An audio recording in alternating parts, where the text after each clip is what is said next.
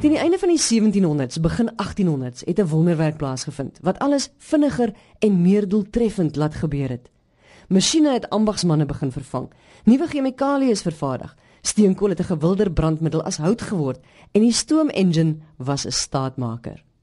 Min het ons toegeweet dat hierdie einste lokomotief ons sou laat voortstoom na 'n volgende revolusie 'n paar eeue later, die revolusie van volhoubaarheid. Want in 1850 is al vir die eerste keer opgemerk dat die konsentrasie koolstof in die lug 'n klein bietjie meer was as voor die revolusie. Vandag het dit feitelik verdubbel en weet ons dat koolstof as een van die kweekhuisgasse aardverwarming veroorsaak wat lei tot klimaatsverandering. Die sakebedryf het 'n belangrike rol te speel om hierdie situasie te beredder, want sê baie mense is kapitalisme en die mense natuurlike gierigheid nie juis een van die oorsake van ons benarde posisie nie. Dr Arnold Smit is die direkteur van die Sentrum vir Sake in die Samelewing by USB Bestuursontwikkeling. Dis die bestuursontwikkeling maatskappy van die Universiteit van Stellenbosch se besigheidskool. Hy's ook 'n buitengewone professor by Stellenbosch se bestuurskool. En ek wil eers by hom weet wat die definisie van volhoubaarheid is vanuit 'n sakeoogpunt. Die sakeondernemings sal dit uh, primêr sien as 'n finansiële faktor. Vir die meeste ondernemings dink ek is dit die realiteit. Maar ek dink daar's ook uh, ondernemings wat besig is om 'n breër visie te ontwikkel. 'n Tema wat die afgelope tyd baie sterk na vore gekom het is die sogenaamde triple bottom line of selfs ook die drie dubbele konteks waarin ons begin besef dat daar ook uh, naas die winsgewendheid van 'n onderneming oor die langtermyn ekonomiese, sosiale en omgewingsaspekte is wat in volhoubaarheid verreken moet word. Ek dink die kern van wat ons moet leer verstaan is dat die volhoubaarheid van 'n sakeonderneming is afhanklik van die gesondheid en die volhoubaarheid van die bronne en die sisteme rondom die onderneming waarvoor dit vir sy voortbestaan uh, afhanklik is. Hoe belangrik het dit geword in die besigheidswêreld volhoubaarheid?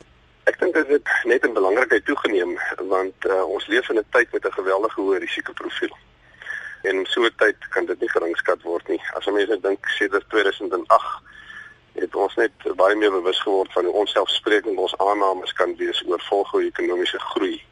As ons kyk na Suid-Afrika, ons hoef nie eens na die res van die wêreld te kyk nie, dan is ons baie bewus van onrus en opstand in die samelewing. Ons weet ook dat uh, as 'n mens kyk na ons bronne basis, uh, basiese primêre bronne waarvan soveel ondernemings afhanklik is, dat ons nie kan praat van volgehoue groei oor 'n langtermyn op 'n beperkte planeet nie. Jy weet kan mense nog ander goed voeg. Jy kan praat oor klimaatsverandering en die wyse waarop dit in die jare wat kom ons leefwyse, ons verbruikerspatrone, ons industrie gaan raak. En ek dink dit is mense na 'n paar goed in Suid-Afrika byvoorbeeld verwys as ek name noem soos Marikana, dit dorings of die kwessie soos skaliegasontginning in die Karoo, en dan begin mense verstaan dat ehm um, dit 'n baie belangrike tema geword het in ons tyd. Wat sou jy sê is die rol van sakeondernemings en sakemense as 'n mens kyk na volhoubaarheid? Ja, ek sou baie graag wou sien dat uh, dit gepaard moet gaan met intelligente en uh, verantwoordelike response en met proaktiewe leierskap. Ek dink ons is in 'n stadium waarin sakeondernemings nie byvoorbeeld op regerings kan wag om vordering met die agenda te maak nie. Ek dink sakeondernemings en sakeleiers het die geleentheid om te help skep aan 'n beter en 'n gesonder en 'n meer volhoubare wêreld as die een waarin ons op die oomblik leef. So mense ook kon sê dat uh, naas die verantwoordelike leierskap waarna ek verwys, verg dit uh, innovasie en tegnologie. Dit verg innovasie in produksietegnieke en in besigheidsprosesse. Maar ek dink dit uh, kom ook met 'n baie hoë vlak van sosiale en ekologiese sensitiwiteit by sakeondernemings. So ek dink hulle het 'n besondere belangrike en 'n leidinggewende rol om te speel in die verband. Maar ook 'n hele paar uitdagings. Wat sou jy sê is hierdie uitdagings? Wel ek dink die eerste uitdaging wat mense nie uh, na moet kyk is die uitdaging om nie te leer dink oor die doel van besigheid. Naamlik dat besigheid nie net daar is om profite te maksimaliseer nie, maar om waarde te skep oor 'n baie breër terrein dink 'n mens moet uh, daarmee saam ook sê dat 'n tweede uitdaging is om af te sien van die idee dat 'n besigheid net ter wille van sy aandeelhouers bestaan. Maar dan dink ek is daar 'n derde een en dit sien 'n mens baie sterk weerkom in al die raamwerke rondom uh, korporatiewe regering en rondom rapportering. En dis om te kan vasstel watter risiko's vir jou spesifieke onderneming van materiële belang is en dan daaromheen gepaste besluite te begin neem En dan dink ek moet 'n mens verstaan dat hierdie materiële risiko's vir spesifieke ondernemings verskil natuurlik van sektor tot sektor. Vir die mynbou is dit anders as wat dit vir landbou is en vir kleinhandel is dit anders as vir toerisme. So dit uh, gaan gepaard daarmee dat 'n mens moet verstaan hoe die agenda tesame met al sy risiko's op jou spesifieke onderneming uh, van toepassing is. Is dit enigstens moontlik om volhoubaarheid en ekonomiese haalbaarheid te trou? Ek dink dit is belangrik om te verstaan dat volhoubaarheid nie iets is wat na 'n onderneming se kernbesigheid bestaan nie. Dis part en deel van die kernbesigheid. Uh, volhoubaarheid is nie 'n is nie 'n nagedagtenis nie. 'n Mens moet verstaan dat volhoubare ondernemerskap as ek uh, die uh, term kan gebruik beteken dat die regte dinge van die begin af reg gedoen moet word. Dit gaan ook uh, gepaard daarmee dat 'n balans moet wees tussen die motief om winsgewend te wees want sonder winsgewend te wees kan 'n onderneming nie bestaan nie. Maar dit staan ook in balans met die skep van welvaart op 'n breër basis vir ander belangehouers. Dit staan ook in balans met die verantwoordelike en sensitiewe omgang met ons planeet se bronne. En ek dink 'n mens moet in sensitiwiteit vir sakeleiers en sakeondernemings moet 'n mens sê dat die kompleksiteit hiervan is nie te onderskat nie. Uh, ons kan dit nie wegneem uit die feit dat ons gekonfronteer is met 'n wêreld waarvan die kompleksiteit net besig is om dag na dag in 'n sekere sin meer te word nie. So, dit staan nie los van winsgewendheid nie, maar winsgewendheid moet definitief in balans gebring word met 'n hele klomp ander faktore en dit maak daarvan 'n baie komplekse agenda. Dankie Dr Arnold Smit. Hy is die direkteur van die Sentrum vir Sake in die Samelewing by USB Bestuursontwikkeling, die bestuursontwikkelingsmaatskappy van die Universiteit van Stellenbosch se besigheidskool. En hy is ook 'n buitengewone professor by Stellenbosch se bestuurskool. Maar hoeveel mense in die bedryf daaroor? Vir 'n begin praat ek met verteenwoordigers van twee maatskappye, albei min of meer dieselfde want albei maak staat op die ontginning van aardse bronne vir hulle inkomste om dit eenvoudig te stel. En dit is Sasol en Namakwa Diamonds. Stean Wandrag is die bestuurder vir volhoubare ontwikkeling by Sasol en ek wil by hom weet hoe 'n maatskappy wat 'n mens nou nie onmiddellik aan volhoubaarheid gaan laat dink, omgaan met sake doen en terselfdertyd die aarde te beskerm.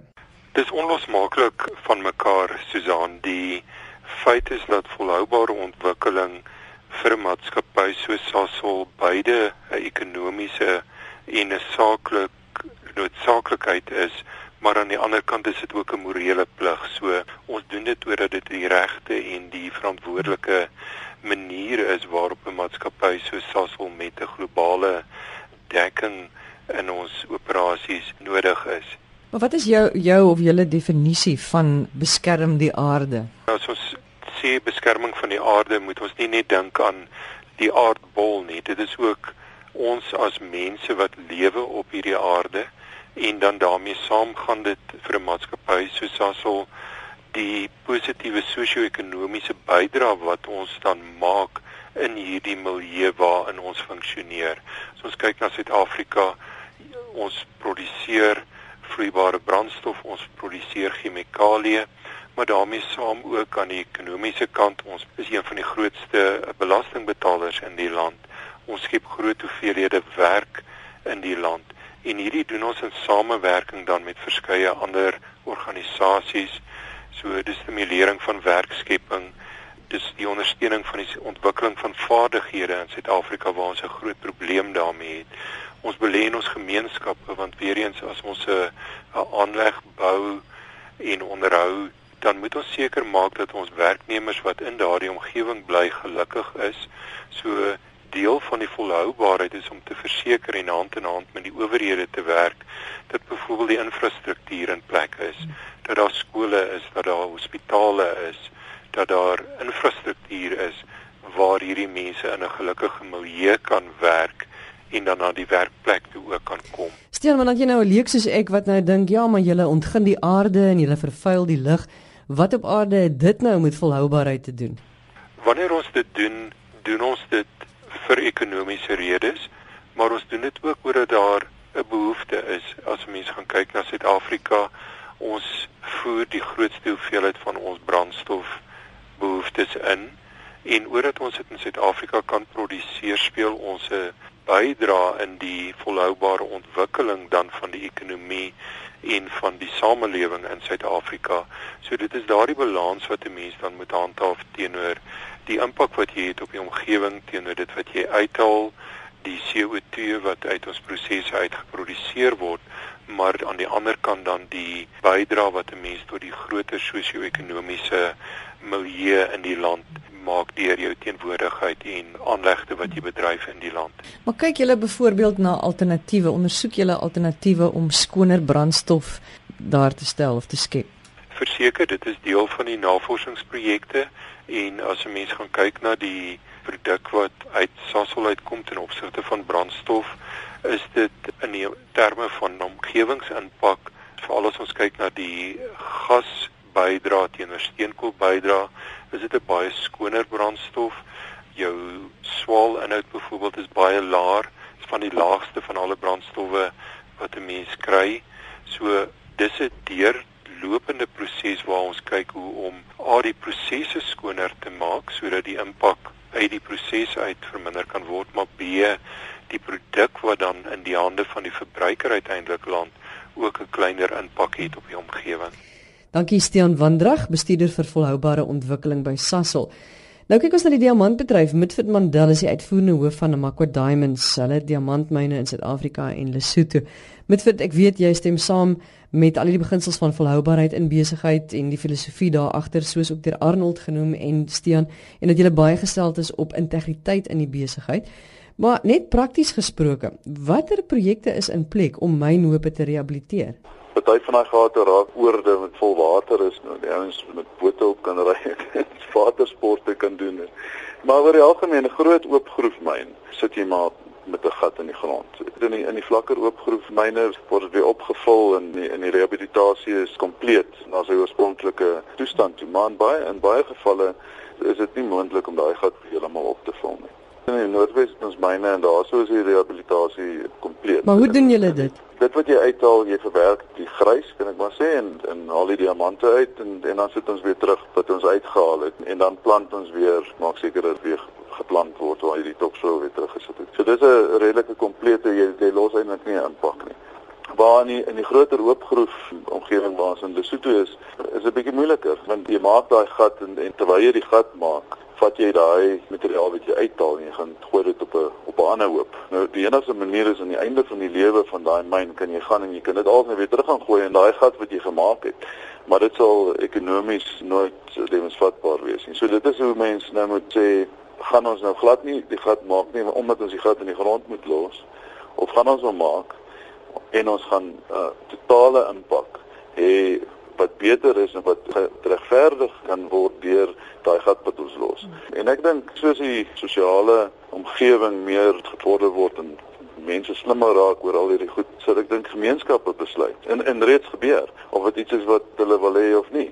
En ek dink ons gaan baie grondstowwe in die grond los vorentoe waar gemeenskappe sê nee, hulle kan nie sien dat die totale impak hulle beter toestand gaan los en daaroor los ons dit eerder in die grond maar daar is ek meen mynbou los maar sy merk. Dink jy mynbou het wel meer bewus geword van die groot verantwoordelikheid wat hulle dra ten opsigte van volhoubaarheid? Nee, ek dink daar's baie vordering gemaak. As ek nou vat besprekings rondom hierdie kwessies 20 jaar terug na nou toe, daar was minimale wetgewing en ek dink dit het gegaan oor as ek die Engelse woord kan gebruik compliance meer as enigiets anders en dit was duidelik nie genoeg nie. Ek meen ons ons kan maar net 'n bietjie ronddry in in die goudwêreld in Johannesburg en sien hoe lyk like die omgewing en so daai dae is definitief verby. Wat is jou persoonlike filosofie oor mynbou en volhoubaarheid? Daar's altyd 'n kompromie in wees want ons los gate in die grond. Maar dit sal nie help as ons volhoubaarheid uh, wil sien in 'n eenvoudige konteks nie want elke ding wat ons gebruik kom maar uit die grond uit. Hierdie foon wat ons nou oor praat of 'n rekenaar wat ons gebruik of 'n vliegtuig of 'n motorvoertuig wat ons in klim, meeste daarvan kom uit die grond uit. So vir elke verbruiker is eintlik net so deel van mynbou is wat ons wat in die bedryf is is. So solank as ons verbruikers gaan hê, gaan ons mynbou hê. So ek dink dit is belangrik dat mense wat volhoubaar gedrewe is in die wynbouindustrie is en laat ons doen wat ons kan om die impak wat ons wel het op die aarde te verminder. Met Fit Mandel baie dankie. Hy is die uitvoerende hoof van Namakwa Diamonds, hulle diamantmyne in Suid-Afrika en Lesotho. Alwaar vir ons vandag tyd het. Volgende keer praat ons verder.